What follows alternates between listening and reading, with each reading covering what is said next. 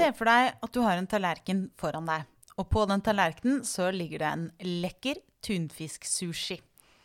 Tunfisk er overfisk, så det er lov å håpe at denne tunfisken har spist sunne, friske, giftfrie fisk, som i sin tur burde være giftfrie og plastfrie og sunne og friske. Mange stoffer akkumuleres i næringskjeden over tid. Og øverst på denne kjeden så troner de såkalte toppredatorene. Det er dermed de dyrene og fiskene som får i seg mest av de farlige stoffene. Men er det egentlig farlig? Og hva gjør dette med arten? Og hva med oss mennesker? Det er det vi skal snakke om i dag. Og i studiet så sitter Vilde Olsson Lahlund. Hallo, hallo! Og jeg, Elina Melteig. Det er spennende tema i dag. Veldig spennende tema. Særlig, særlig egentlig litt fordi at det, eh, vi mennesker kanskje er litt sånn på, på toppen av næringskjeden. Jeg føler at vi er på toppen. Vi spiser jo det meste. Under oss. Under ja. oss, ja. Så, så, jeg regner med at det er, det er en veldig relevant podkast for oss mennesker, da. Både på godt og vondt. Ja, jeg, men jeg, før vi setter sånn ordentlig i gang, så tenker jeg at det er to definisjoner man egentlig burde ha litt for seg hva er for noe. Særlig hvis vi skal tenke på at det, enkelte typer stoffer da, samler seg opp i noen organismer. Og det ene begrepet som man bør ha kontroll på, det er bioakkumulering. Og det betyr at eh, i hvert fall én mulig forklaring, en definisjon på det, det er at eh, giftstoffer, eller enkelte stoffer, kommer inn i næringskjeden, og så bygger de seg opp i én organisme. Så det blir ikke nødvendigvis overført til neste generasjon eller overført til en predator, men det bygger seg opp inni en organisme. Så det er f.eks. summen av kanskje alt det jeg spiser av ting som er kjipt, over tid, da. Ja. Så hvis du får litt kjipt hele tiden, og så forblir det i kroppen din, så blir det til slutt masse. Ja. Rent hypotetisk så kan du se for deg at eh, hvis jeg hadde røykt eh, sigaretter, og hadde røykt raskere enn det kroppen på en måte klarer å rydde opp, så hoper det seg opp over tid. Ja. ja. Så har du det andre begrepet, som er biomagnifisering. Og det er egentlig veldig likt, men det betyr at noen stoffer samler seg opp over tid, og så passerer de fra en art til annen. Det vil si at det, hvis du har en rovfisk, da, og den, eh, alle, alle, de fiskene som den spiser, de får i seg bitte lite grann av et stoff. Men det er ikke så veldig farlig for det nivået. Men så spiser denne rovfisken alle disse fiskene, og så får den i seg ganske mye. Så samlet sett får den en mye større belastning av, av disse stoffene. Er det fordi det da ikke brytes det, så det liksom hoper seg opp hele tiden eh, for hvert ledd da, i næringskjeden? Ja, det kan du si, ja. Mm. Så de som står på toppen, får i seg mye, da? Det er akkurat det som er. Eh, og så er det Men det må, må, sies at det er litt forskjellige definisjoner ute og går, men dette er liksom roughly eh, røft regna det som er eh, definisjonene. Og så, så, er det jo sånn at det er, det er selv om noe akkumuleres eller samles opp over tid, så er det ikke sikkert at det er farlig eller giftig. Så Nei, selv om et stoff har den egenskapen, så er det ikke sikkert det har så veldig mye å si. Og så må det også sies at noen av disse stoffene også kan overføres til neste generasjon. Så hvis jeg har samla en hel del av disse stoffene gjennom mitt liv, så kunne man liksom sett for seg at neste generasjon hadde fått noen av de stoffene med seg. En større del enn jeg fikk da jeg ble født. Så at man kan gi det fra liksom mor til barn, er det det du sier? At det er mulig i noen tilfeller? Ja. Ja. Det er skummelt, da. Det er litt skummelt. Eh, men det vi skal snakke om i dag, er jo rett og slett litt av denne bioakkumuleringseffekten. Og jeg syns kanskje at eh, jeg har litt lyst til at du skal starte med ditt eksempel. Jeg har et eksempel som jeg syns var ganske interessant. Eh, for det er ikke, i hvert fall for meg, når man tenker på bioakkumulering, da tenker jeg alltid på sånn eh, farlige metaller og sånn. Men dette handler egentlig om antibiotika. Og bioakkumulering av antibiotika. For det viser at det kan også skje. Jeg, tror, jeg har liksom hatt en sånn forestilling om at det brytes ned, jeg. Ja. Ja.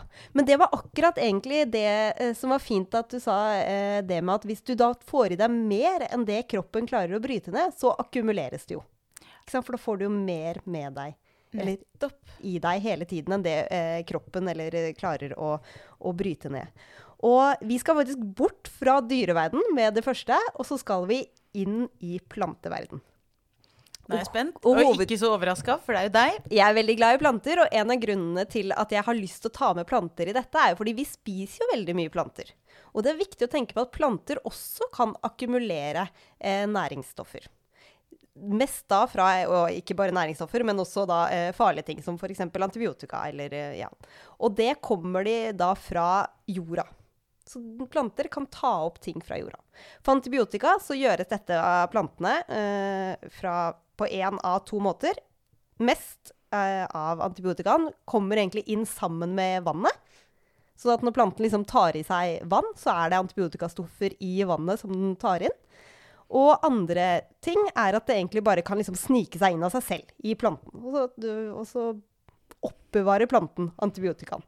Så den kvitter seg ikke med den. Plantene har ikke noen måte å liksom kvitte seg med antibiotikaen på. Og så er det jo det at vi spiser plantene. Oi, nå aner jeg hvor dette bærer hen. Det er det, for den artikkelen jeg har sett på, handler om bioakkumulering av antibiotika faktisk i peanøtter. Og hvordan dette kan ende opp med å skade oss mennesker som da spiser peanøttene. Og dette er da en artikkel fra Sao et al. i 2019. Og det de så på, var et helt spesielt område i Kina hvor det dyrkes masse, masse peanøtter. Og i tillegg til å dyrke peanøtter, så har de masse husdyr som er gris. Så det er egentlig liksom grisehusdyrproduksjon og peanøttproduksjon i den dalen hvor de så på. Og det som er fint, er jo egentlig i teorien at de bruker eh, avfallsstoffene fra grisen som gjødsel til plantene. Det høres jo helt perfekt ut, som en sånn veldig sånn bærekraftig måte å lage ting på. Ja. Ikke sant? Det høres egentlig helt fantastisk ut, men de har da eh, sett at disse grisene blir behandla mye med antibiotika. Og dette kommer da ut i avfallsstoffene til, eh, til grisene, som da igjen kommer, eller blir spredt utover åkrene til peanøttene.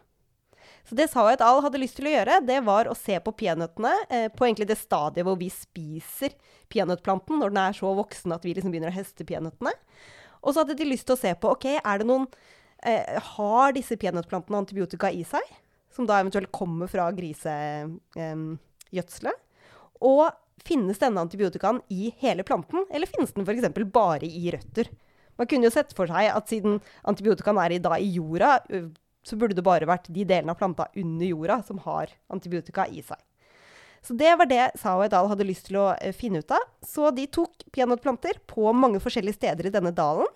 Og så tok de forskjellige deler av peanøttplanta. De så på røtter, og så så de på blader, og så så de på peanøttene i seg selv, og så så de på peanøttskallet. Og så analyserte de de forskjellige delene eh, på en biokjemisk måte, eller kjemisk måte, og prøvde å finne ut av er det, hva er det som fins her. Og det de fant ut av, var at det er antibiotika som har samla seg i alle delene av planta. Ja, så det er på en måte nesten helt Det blir spredd rundt. Det er ikke bare røttene som vokser i jorda, men den tar det med seg. Så det er egentlig akkurat det de fant ut av. At eh, peanøttene, selv om det bare er jorda, eller røttene som er i kontakt med jorda som har antibiotikaen, så tar planten og sprer peanøttene til alle deler Nei, peanøttene sprer antibiotikaen til alle deler av planta, inkludert da de peanøttene som vi spiser. Så det var jo en ganske eh, eh, trist nyhet, sånn egentlig. Men det er faktisk ikke noe nytt. Man har funnet ut at det er mange forskjellige eh, arter som vi spiser, som tomat og agurk, som også kan akkumulere og eh, spre antibiotika til seg. Så det er da viktig å gjødsle med ting som ikke har antibiotikastoffer.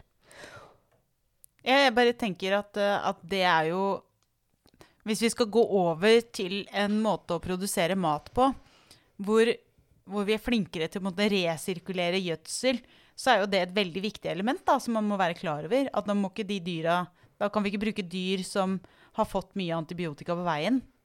Det stemmer. Men det som jeg syns var kanskje mest spennende, og som vi kan lære masse av fra dette, denne artikkelen, er at man kan jo bruke mange forskjellige typer antibiotika når man skal behandle et, et sykt dyr.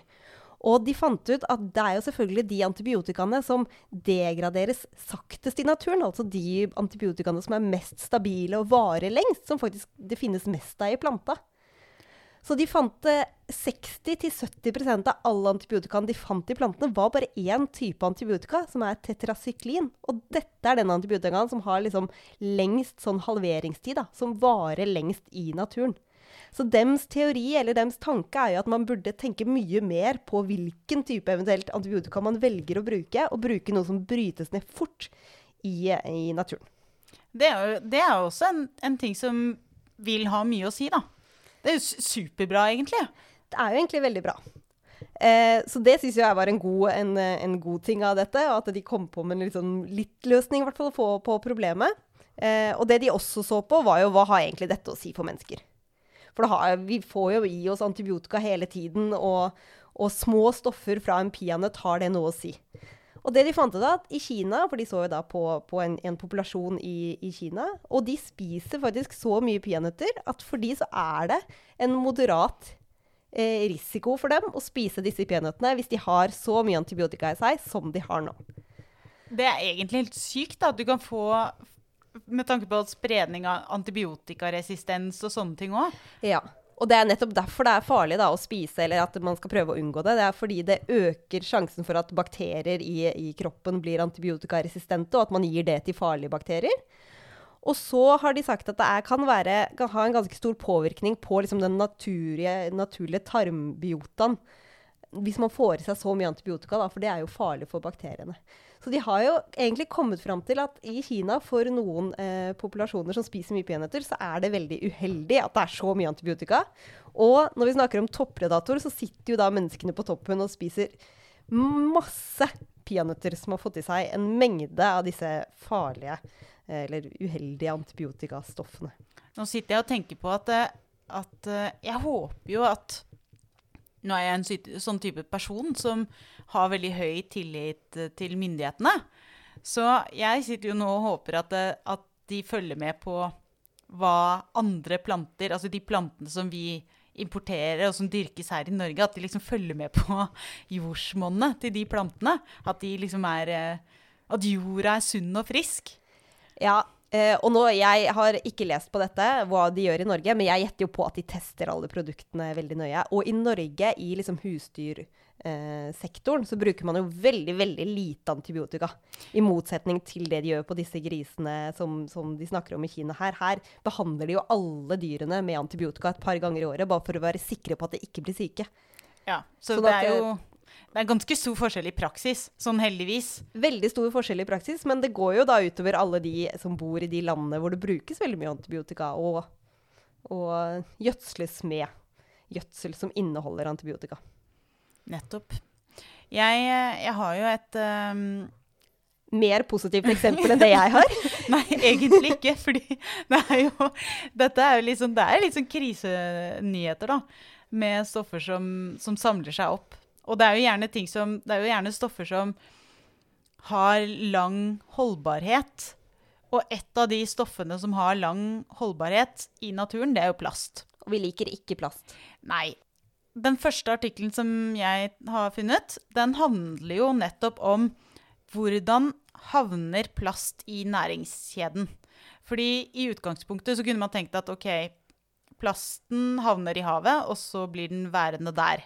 Men den blir ikke det. Den, den blir en del av næringskjeden, og man har etter hvert funnet ut at det er mange dyr som Man finner plast i mange dyr.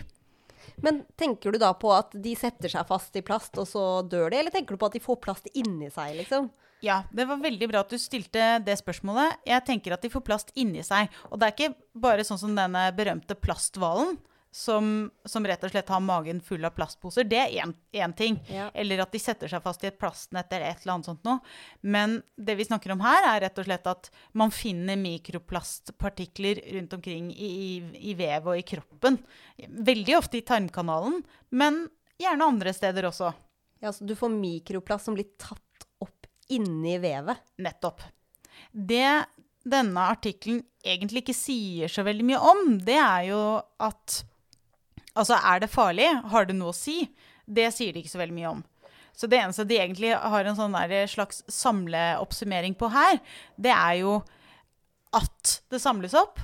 At, det, at mikroplast Altså, de har noen eksempler på hvordan mikroplast blir tatt opp og havner i, havner i næringskjeden. Eh, og så har de sett på at plasten overføres fra et ledd i næringskjeden til et neste ledd. Altså fra byttedyr til predator, fra rovdyr. Altså det blir mer og mer mikroplast jo høyere opp i systemet du kommer, egentlig, og opp i næringskjeden. Nettopp. Og denne artikkelen er jo fra 2020 i år, sånn at uh, det er um, uh, Dette er ganske ferske tall. Men da starter det jo veldig sånn dystert, da. Som, eh, som eh, alle artikler jeg har kommet over om plast, eh, jo gjør. Jeg må bare innrømme at sånn generelt bioakkumulering, det var litt dyster lesning. Ja, nei, det var jo ikke veldig hyggelig. Uh, og de har jo, de har jo satt, sagt noe om uh, hvor, hvor mye plast er det egentlig. Um, I havet. ja, og eh, da har man jo sett at eh, den plasten, den store plastmengden i Stillehavet jeg, jeg har jo ikke, jeg har bare sett liksom sånn vage bilder av det og sånn, men de mener at det, det, altså det kalles det syvende kontinentet. Oi. Så mye plast snakker vi om. Og de, det er et areal på 1,6 millioner kvadratkilometer. Eller, for å ta noe som er litt lettere å forholde seg til, tre ganger Spania. Som er plast. Mm. I havet. Ja. Det, er, eh, det har de på en måte beregnet seg fram til at det kan man det, Og det, det er ikke sånn at du kan gå på dette plastberget. Det flyter rundt, men det er måte det er den mengden som vi, vi snakker om her. Hvor kommer all den plasten fra? Ja, det er jo vi som lager den, da. Eh, og fordi den bruker veldig, veldig, veldig, veldig lang tid på å brytes ned, så tar dette lang tid. Og i artikkelen så sier de at ja, det er vist en, en korrelasjon, altså vil si en sammenheng mellom mye plast i en organisme og en del negative effekter på vekst, reproduksjon og overleve, overlevelse hos fisk og andre akvatiske dyr. Og de presiserer at de negative effektene ikke har med at de sitter fast i nett eller at de får plast i magen. Det er rett og slett plastpartikler, sånne mikroplastpartikler. Og et av problemene med disse plastpartiklene er at eh, det er Altså, plast er ikke plast. Eh, du kan se for deg at en, en plastkopp, en engangskopp, har en litt, annen, en litt andre egenskaper enn f.eks. Eh, plast i maling eller tannbørsten din. Ja. Så plast er ikke plast. Den er full av forskjellige tilsetningsstoffer som gir den helt forskjellige typer egenskaper. Og noen av disse tilsetningsstoffene er ikke så bra. Og de kan av og til lekke liksom litt ut, da. Altså de sitter fast i plasten, og så lekkes de ut litt og litt og skader ting. Over ting. tid. Ikke Ja. sant? Det er en del av ned... Dette går jo veldig langsomt. Du kan se for deg at dette tar fryktelig lang tid. Men når, du er, når vi snakker tre ganger Spania, så har du nok å ta av. Ja. Ja. Ehm, så det er én ting. Et, en annen konsekvens det er at uh, en del bakterier trives ganske godt på disse overflatene. Her var det trygt og fint å sette seg, ikke sant? Man kaller bakterier med, og, og andre mikroorganismer med sånn negative konsekvenser for andre dyr. Det kan man kalle for patogener. Det var en litt sånn definisjon som jeg fant på her og nå. Men Jeg syns den hørtes veldig riktig ut. ja. Det var fin, eh, fin definisjon. Så, og da sier man at den plasten det fungerer som en slags vektor, eller du kan kalle det som en, en eh, slags plattform hvor disse patogenene kan, kan leve og trives. Uh, og ha det bra på den overflaten. Og, de, og det kan gå fint, det. De kan være der helt til noen, et annet dyr kommer og spiser dem. ikke sant? Og så får de plutselig med seg ikke bare selve plasten, men alle disse, disse mikroorganismene som de ikke har så godt av, som sitter på overflaten, i tillegg. Og Ja, det sånn er kanskje Dobbelt opp negativ Nettopp.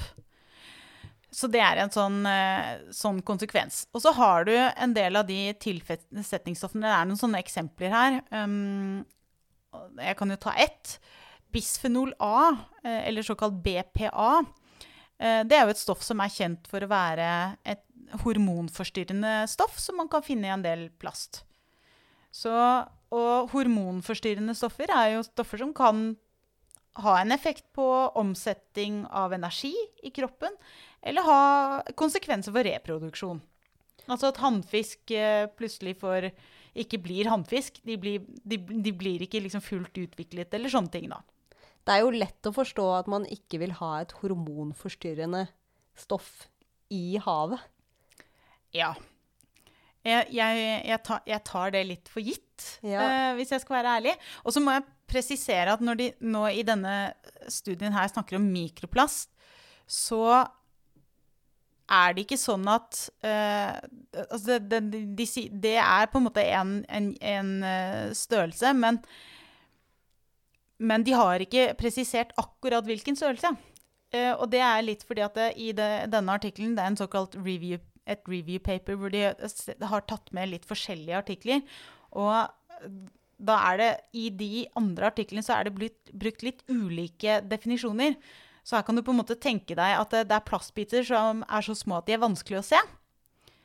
Men så store at de er ganske mange Vi snakker mange molekyler. Det er liksom ikke nanoplast. Og nanoplast det er da igjen Hvis du ser for deg at det er Du kan nesten telle atomene.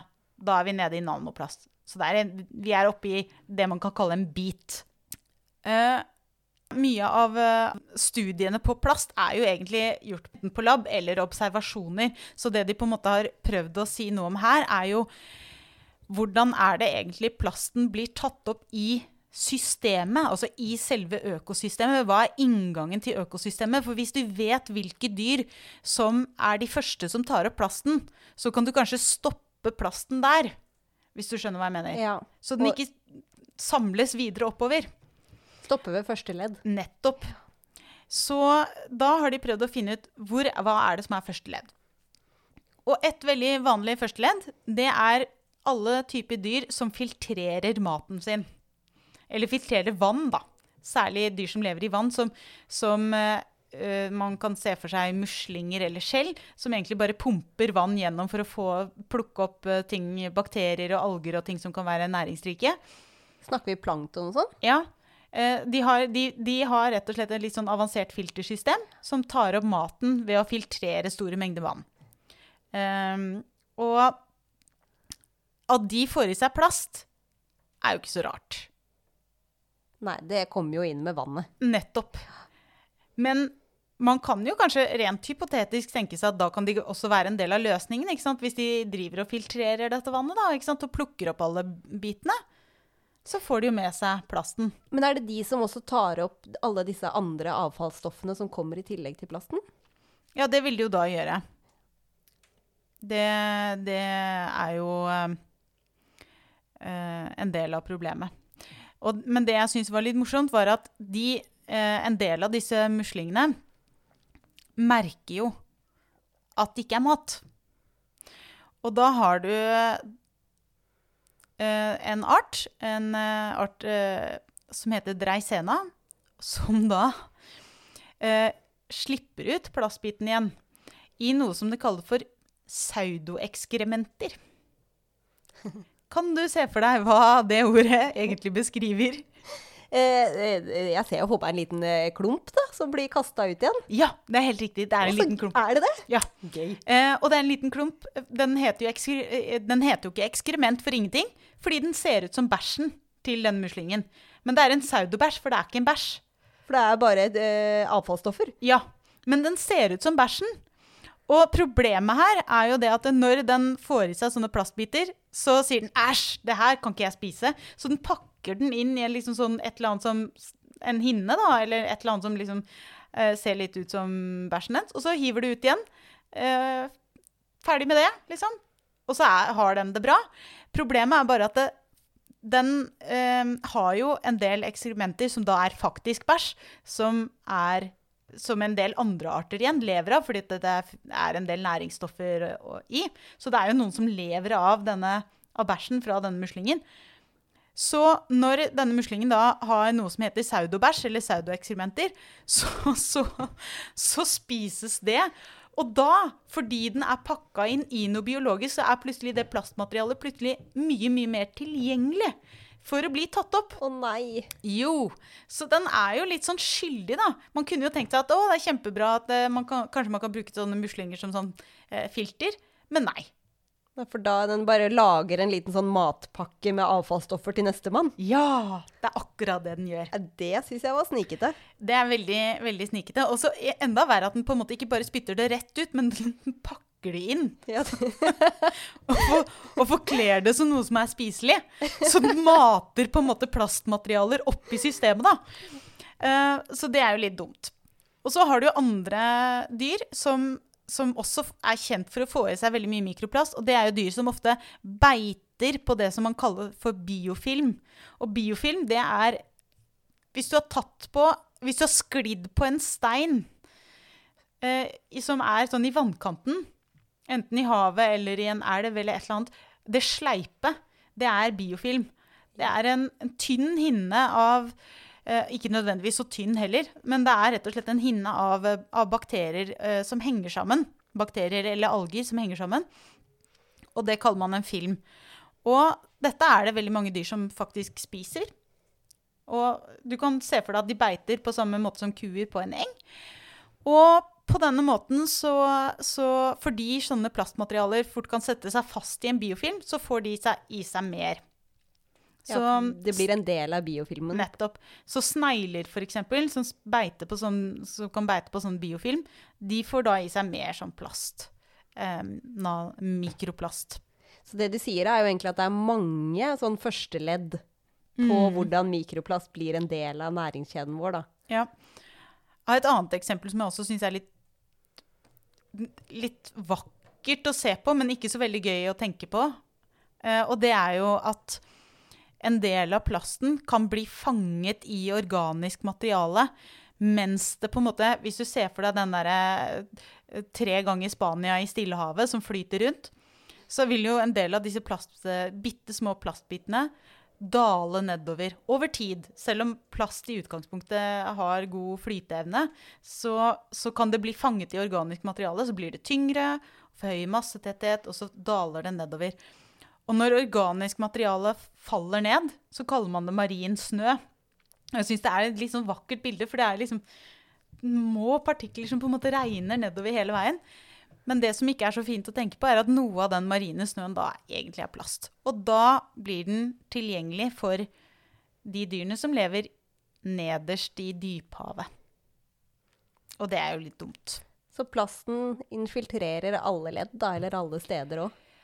Ja, den gjør det. Og så så de også på at um, De hadde med et par eksempler på at det også blir overført plast mellom ulike nivåer i næringskjeden. Og det meste av de eh, eksemplene var jo studier som de hadde gjort eh, på lab.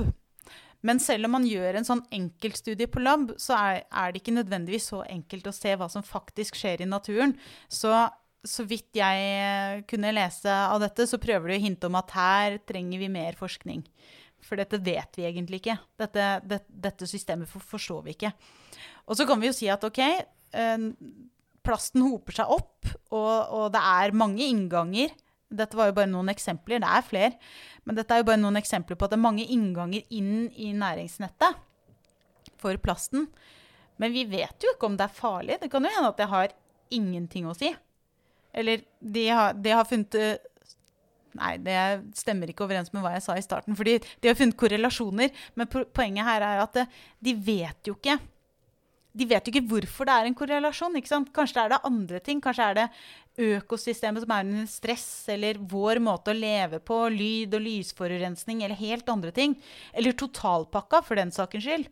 Så, så lenge vi ikke vet akkurat hva som er mekanismen for eh, Altså akkurat hva det er som skjer, så, for, så er jo ikke dette noe annet enn en sammenheng. Vi kan ikke si at det er sånn. Vi kan ikke si at det er farlig. Vi kan bare si at det, at det, er, det er en sammenheng mellom at det skjer kjipe ting, og at det hoper seg opp plast. Men vi vet jo ikke hva som skjer, egentlig. Syns det høres veldig skummelt ut, da. Ja, ja. Det frister jo ikke.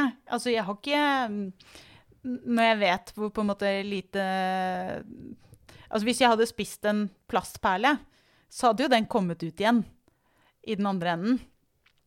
Eh, og så lenge den på en måte gjør det, så er det jo greit. Men hvis den blir der inne, så er det jo et større problem. Det hadde vært litt skummelt, ja. Ja.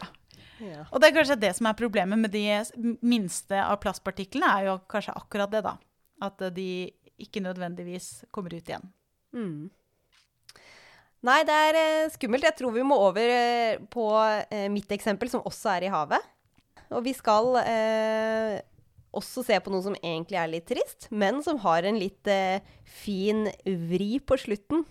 Fordi jeg syns jo, vi har jo snakka om det før, men jeg syns jo det var litt trist å lese om denne episoden, egentlig. For det er jo veldig vanskelig med alle ting som akkumuleres, og hvordan det påvirker planeten vår. Både oss og dyr. Eh, og det jeg skal snakke om nå, er egentlig hvaler. Hvalfamilien. De er jo store, og de er jo også på egen toppen av en næringskjede og spiser jo masse, masse, masse eh, små andre dyr. Og akkumu- akkumulerer jo da opp eh, næringsstoffer. Og så har vi jo plasthvalen, som er sikkert den mest kjente hvalen etter Keiko. Ja. Eh, og det, men den hadde vel plast i magesekken sin? Ja. Ja, og nå snakker jeg om eh, metaller som hoper seg opp i, i eh, dyret. Og hovedsakelig det denne artikkelen handler om, er kvikksølv. Opphopning av kvikksølv i, eh, i havet. Eller i havet, som da igjen fører til opphoping av kvikksølv i eh. Og kvikksølv er det vi kaller for et neurotoksin. Så det betyr egentlig et eh, farlig stoff som påvirker nervene. Som kan gjøre noe med liksom, nervefunksjonen vår.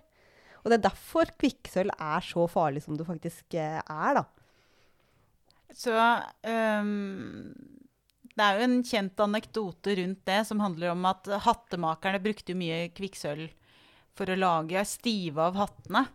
Og de, jo, de var jo kjent for å bli gærne. Så hattemakeren i Alice i Eventyrland er, han er jo ikke gæren av tilfeldige grunner. Han er jo gæren fordi han har fått i seg kvikksølv, for det var, det, det var, det var hattemakerne kjent for. Ja. Og det eh, Det visste jeg faktisk ikke. Det var litt eh, fin Ja, historie. det, var en veldig, det var en liten fun fact. Ja, det var bra fun fact. Men det som ikke er så fun, er jo at det også skjer i hvalene. Nei! Eller at det påvirker eh, eh, nervefunksjonen deres, og at det opphoper seg eh, kvikksølv. Og denne artikkelen eh, de har prøvd å finne ut hvor mye kvikksølv kommer det egentlig inn i hvalfamilien. Det som er vanskelig med hvaler, er jo at det er relativt få av dem. Sånn. Det er ikke så lett å, å forske på mange mange hvaler og få store antall med liksom, biologiske eh, prøver av forskjellige hvaler. Så denne forskningsgruppa de har egentlig bare tatt all forskning på kvikksølv og hvaler og prøvd å sette det i sammenheng med hverandre og se hva er det som egentlig skjer. Og det de har funnet ut av, er at generelt så er det marine pattedyr som får i seg veldig eh, mye kvikksølv. Kvikksølv det blir tatt opp i arten som det man kaller for monometylkvikksølv. Fordi det er noen bakterier som metylerer kvikksølvet, som gjør at det enklere blir tatt opp i dyret. Og det er da mye farligere enn vanlig kvikksølv.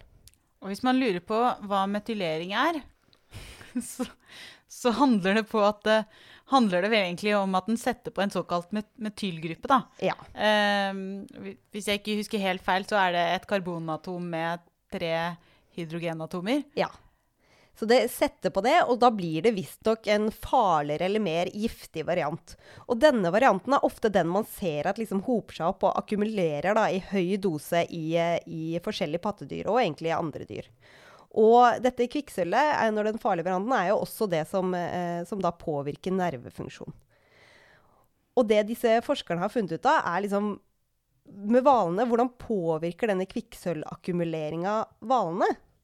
Man skulle jo tro at siden hvalene er så store og får i seg så mye mat, at de får i seg så mye da monometylkvikksølv, at det går Ja, at de blir hattemakere, da. At de blir fullstendig gærne. Men tingen er at hvalene er ikke gærne. De ser egentlig ikke at eldre hvaler eh, i hvert fall det de har klart å finne ut av, at eldre hvaler er liksom mer gærne enn yngre hvaler fordi de har fått i seg mer kvikksølv.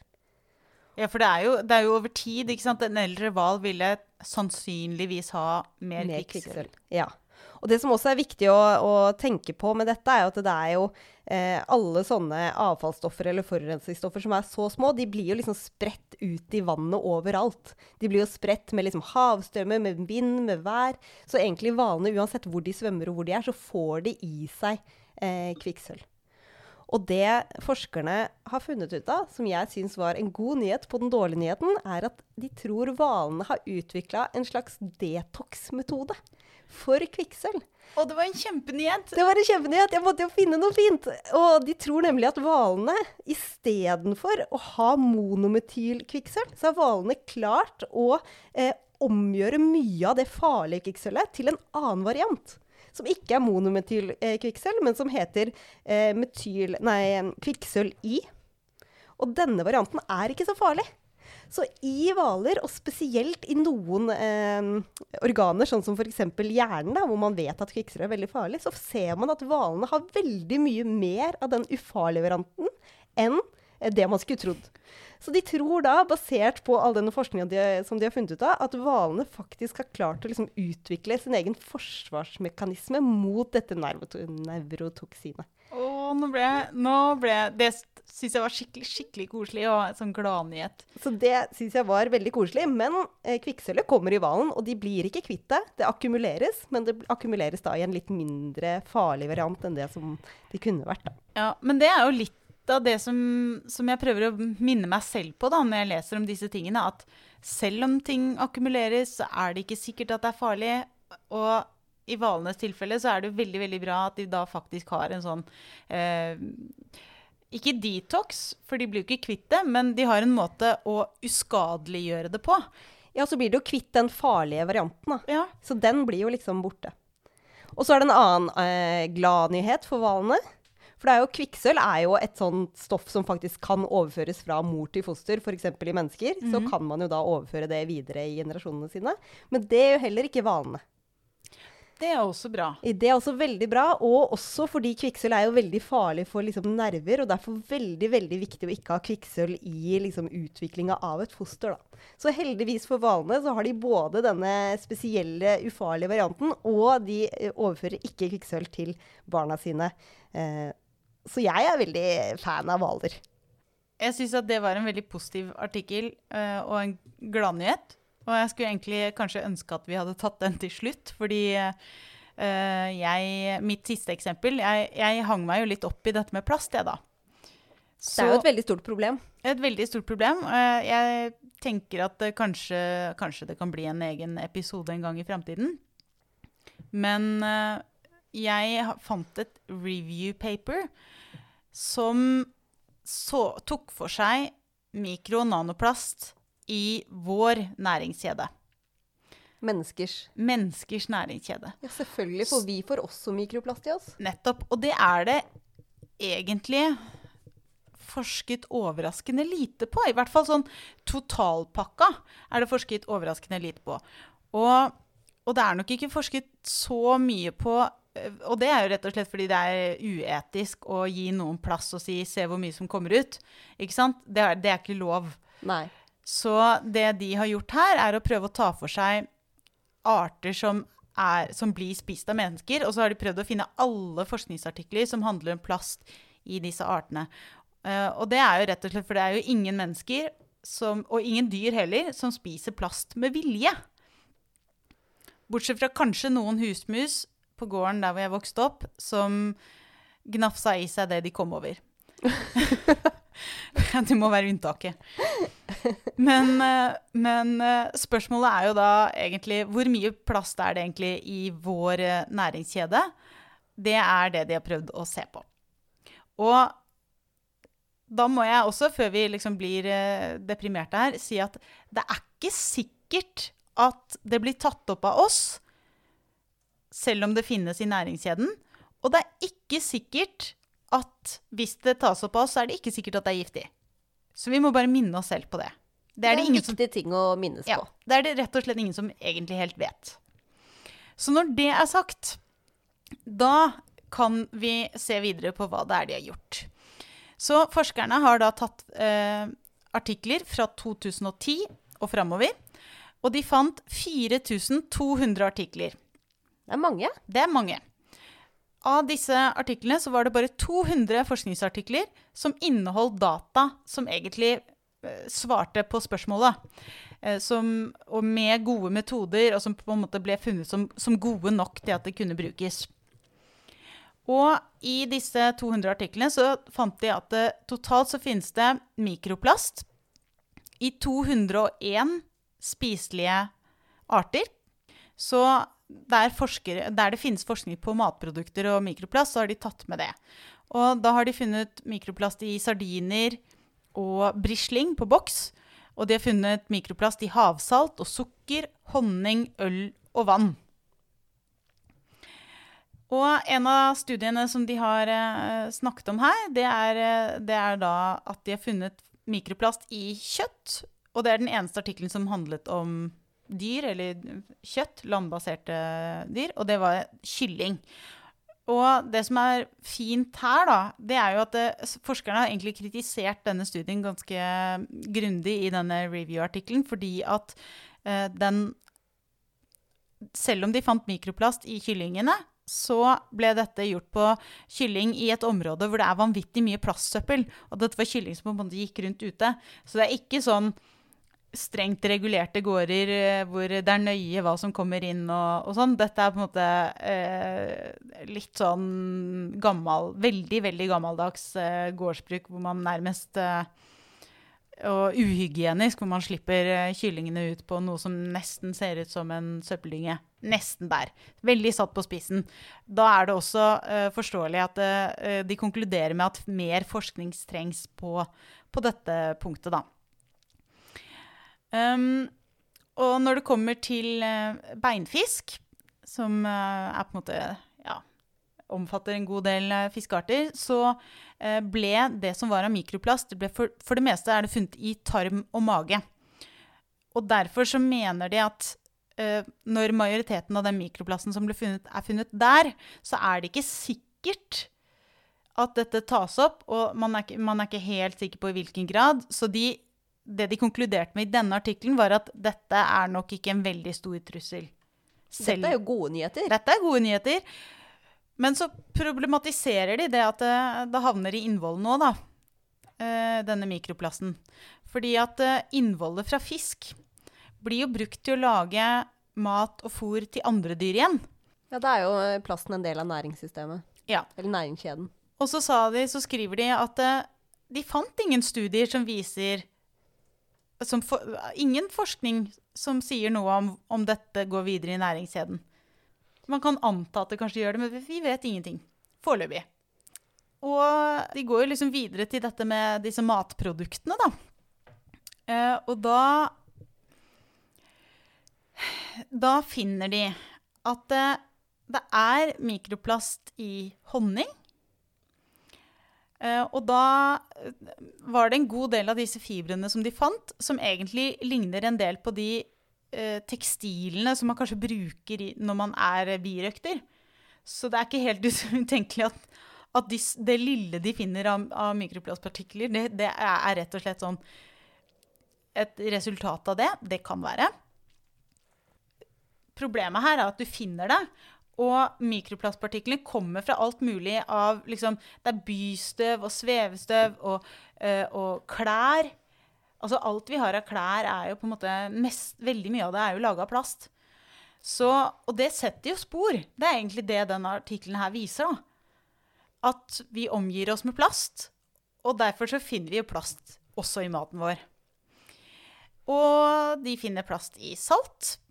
Eh, men der i veldig eh, varierende grad. Og så kritiserer de jo på en måte de som har laga disse artiklene. fordi at det, mellom artiklene så er det brukt veldig ulike metoder, så det er vanskelig å sammenligne resultatene. Men, men um, de sier bare at OK, vi fant bitte lite grann mikroplast i salt. Uh, de fant mikroplast i øl, og da antar de at mesteparten av de partiklene de kommer fra prosessen. Eh, men da har de faktisk gått ut og kritisert I, i artikkelen sin så kritiserer de metoden som er brukt i den derre ølmetoden. Så da, Det de egentlig sier, er vi stoler ikke helt på dette resultatet. Det likte jeg siden det var øl, at, med, at vi ikke har lyst til å tro på at det Ja, men så kommer vi til denne studien som handler om vann, da. Eh, Og den er fra eh, eh, Her er det i hovedsak en studie fra 2018. Hvor de har sett, eh, det er noen som har sett på 259 flasker med vann fra ni ulike land. Og 93% av de flaskene inneholdt plastpartikler. Men variasjonen var stor, selv innenfor samme merke. Men det der er jo kjempeskummelt. Mm. Det betyr jo til og med at én type produksjon ikke har noen forutsetning for å lage den type mengde eller ikke. At det er nesten ikke tilfeldig, da. De har ikke én renhetsgrad. Nei. Ehm, og et av merkene solgte både vann i glass- og plastflasker. Og da fant de faktisk litt plast i glassflasken også. Altså, det er ikke produksjonen av bare eh, flaska, plastflaska, som gjør at eh, Nei, det, det kan man antagelig eh, anta. Eh, så det de skriver videre her, er jo at det, de mener at plasten derfor kommer fra selve vannkilden, da, og ikke produksjonen. Eh, altså det er ikke emballasjen i seg selv, selv om det skal sies, de fant ganske mye mer plast i plastflaska enn i glassflaska. Ja. Ja. Og så, så må det jo sies at de har ikke sagt noe om hvilke land dette gjelder, eller uh, hvilke produksjonsmetoder. Og jeg liker å tro at uh, i, det er i hvert fall i vestlige land ganske høy liksom At de holder ganske høy oppsyn med innholdet i maten. Um, og det kommer vi til nå, fordi at det, noe de, Disse forskerne mener at noe av plasten faktisk kan komme av så lite av at man åpner korken. Oi. Ja, fordi korken er jo laga av Av plast. Så det skal veldig lite til. Og det er fordi at disse te testene er relativt sensitive, ikke sant? som er en bra ting. De samme forskerne prøvde å lage rene prøver på lab. Altså prøver med sånn type tovann, som vi kaller det, som er sånn kjempesuperduper rent. Og de fikk ikke til å lage prøver uten plastkontaminering. Er det sant? Ja. Sånn at da er det ikke så veldig rart at du finner plast i alle produktene. Nei. Nei. Og hvor kommer all den plasten fra? Altså det er, det er litt støv ikke sant? fra klærne våre, fra, fra labfrakker, fra plasthanskene du har på deg på lab, fra utstyret du bruker, fra engangspakningene. ikke sant? Det er plast overalt. Så når forskerne strever med å lage rene prøver, og så finner de plast i absolutt alt av det de tar prøver av, da er ikke det rart. Det er litt urovekkende, da. Jeg tror ikke man tenker så mye over det mikroplastaspektet. At liksom du rister litt på klærne dine, og så faller det ut mikroplast. Mm, og så puster du det inn. Ja. Mm. Nei, det kan du si. Eh, men da vil jeg gjerne minne om at vi vet jo ikke om det egentlig er farlig. Ikke sant? Og så må vi huske på at ok, eh, vi har i til alle tider Så lenge denne vår art har eksistert, så har jo vi gjort ting som er eh, dumme, kan du si. Du, det er ikke smart å sitte og inhalere eh, karbon over et bål heller. det, Nei, det er skadelig, det òg. Og det er nanopartikler av eh, et, et relativt reaktivt materiale. Så hvis du skal liksom begynne Jeg tror det er mye tryggere å leve i dag, selv med all den mikroplasten, enn det var for 100 år siden. Takk, Elina. Nå ble jeg litt glad. Det Ja. var veldig hyggelig at du sa det der. Ja, ikke sant? I øl så kan det godt hende at ølen er farlig farligere, altså alkoholen er farligere enn mikroplasten. Det er I det jo helt sikkert. Ja. Eh, Så ja. hvis man bare kan avslutte med å, å si det, at eh, jeg syns at eh, vi skal holde et øye med mikroplasten. Jeg syns at man skal fortsette å ta disse prøvene og gjøre disse studiene og følge med. Og så, og så har ikke jeg og det gjelder, det er ikke bare i menneskemat. Jeg tenker at i, i hele næringskjeden og hele veien så skal vi følge med og prøve å unngå så godt vi kan å slippe ut alt, alt dette her. For vi vet at det er små negative konsekvenser, men samtidig så er det sånn Vi må ikke få helt total panikk av dette heller. Vi må bare liksom prøve å gjøre det beste vi kan. Det var veldig gode ord. Uh, jeg kan jo avslutte med en fun fact som er litt uh, fun. Ja. Den handler om akkumulering, bioakkumulering, men ikke i en negativ kontekst. Den handler om positiv bioakkumulering, og vi skal snakke om en sommerfugl. Dette er sommerfuglen som heter tobakkssvermer. Og den driver med bioakkumulering. Og som navnet på sommerfuglen sier, så spiser faktisk eh, eh, sommerfuglen tobakkplanter og tar til seg liksom, eh, disse avslappende effektstoffene, nikotin og sånn. Så at hvis da sommerfuglen blir angrepet og spist, så får da din, den som spiser sommerfuglen, blir da dopa ned, eller får en et- avslappende effekt. da. Rett og slett et nikotinsjokk. Rett og slett et nikotinsjokk. som blir egentlig litt sånn giftig og beskytter seg selv ved å akkumulere liksom de toksinene som fins i, i tobakk. Ja, det er jo på en måte en, en, en positiv versjon, da. Ja, for sommerfuglen så er det jo en kjempelur greie å drive med bioakkumulering. Ja. Jeg, jeg har også en fun fact eh, om eh, bioakkumulering. Fordi det er veldig lett å tenke at bioakkumulering er noe nytt. Det at det giftige stoffer hoper seg opp, er liksom et eller annet som er veldig nytt. Men det er det ikke. Eh, Og da har jeg en artikkel fra 1985, hvor det er en forsker som eh, sier noe om at eh, sporelementer fra ca. 65 millioner år siden antyder at det var svært høye nivåer av enkelte stoffer fra et visst meteorittnedslag. Og en god del arter kan ha blitt veldig veldig negativt påvirket av dette. Og dette kan ha ført til at det var en massedød, eh, og dinosaurene forsvant omtrent på den tiden. Så det, det denne forskeren mener, er at store mengder av sånne sporstoffer som vi vanligvis ikke har så mye av, som f.eks. krom eller bly eller kobber eller kobolt. Eh, alle disse stoffene som vanligvis ikke er så utbredt, de ble, de ble det plutselig mye av i næringsnettene og hopet seg opp eh, hos enkelte arter, og bidro til at de forsvant. Så eh, ja, det var en liten fun fact om at eh, bioakkumulering, det er kjempegammelt. Det ikke fun, men det var i hvert fall fact. Jeg må jobbe litt med fun-biten.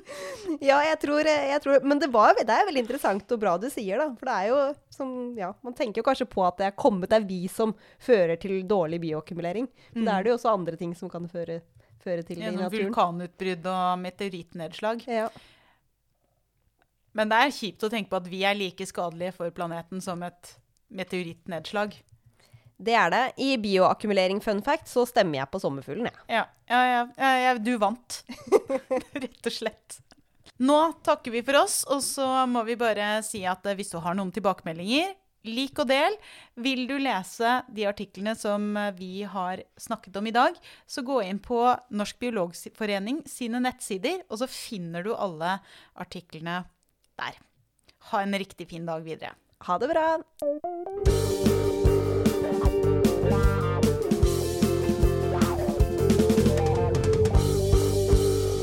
Du har nå hørt Biopodden med Vilde Olsson Lahlun og Elina Melteig. Og med på laget har vi også Torborg Galtland, daglig leder i Norsk biologforening. Denne episoden av Biopodden er laget i samarbeid med Tømtestiftelsen, og er en serie på seks episoder som erstatter Biokonferansen. Årets tema er mat. Podkasten utgis av tidsskriftet Biolog, som eies av Norsk biologforening. Musikken du hørte, er laget av biologibandet Overgump, som består av Even Sletteng Garvang, Markus Fjelle, Erik Møller, Mathias Kirkeby og Audun Rugstad. Fortell gjerne om podkasten til venner og kjente, og gi oss tips og tilbakemeldinger på e-posten biopodden alfakrøllbio.no. Og hvis du vil støtte oss, så er du hjertelig velkommen som medlem av Norsk biologforening. Vi høres.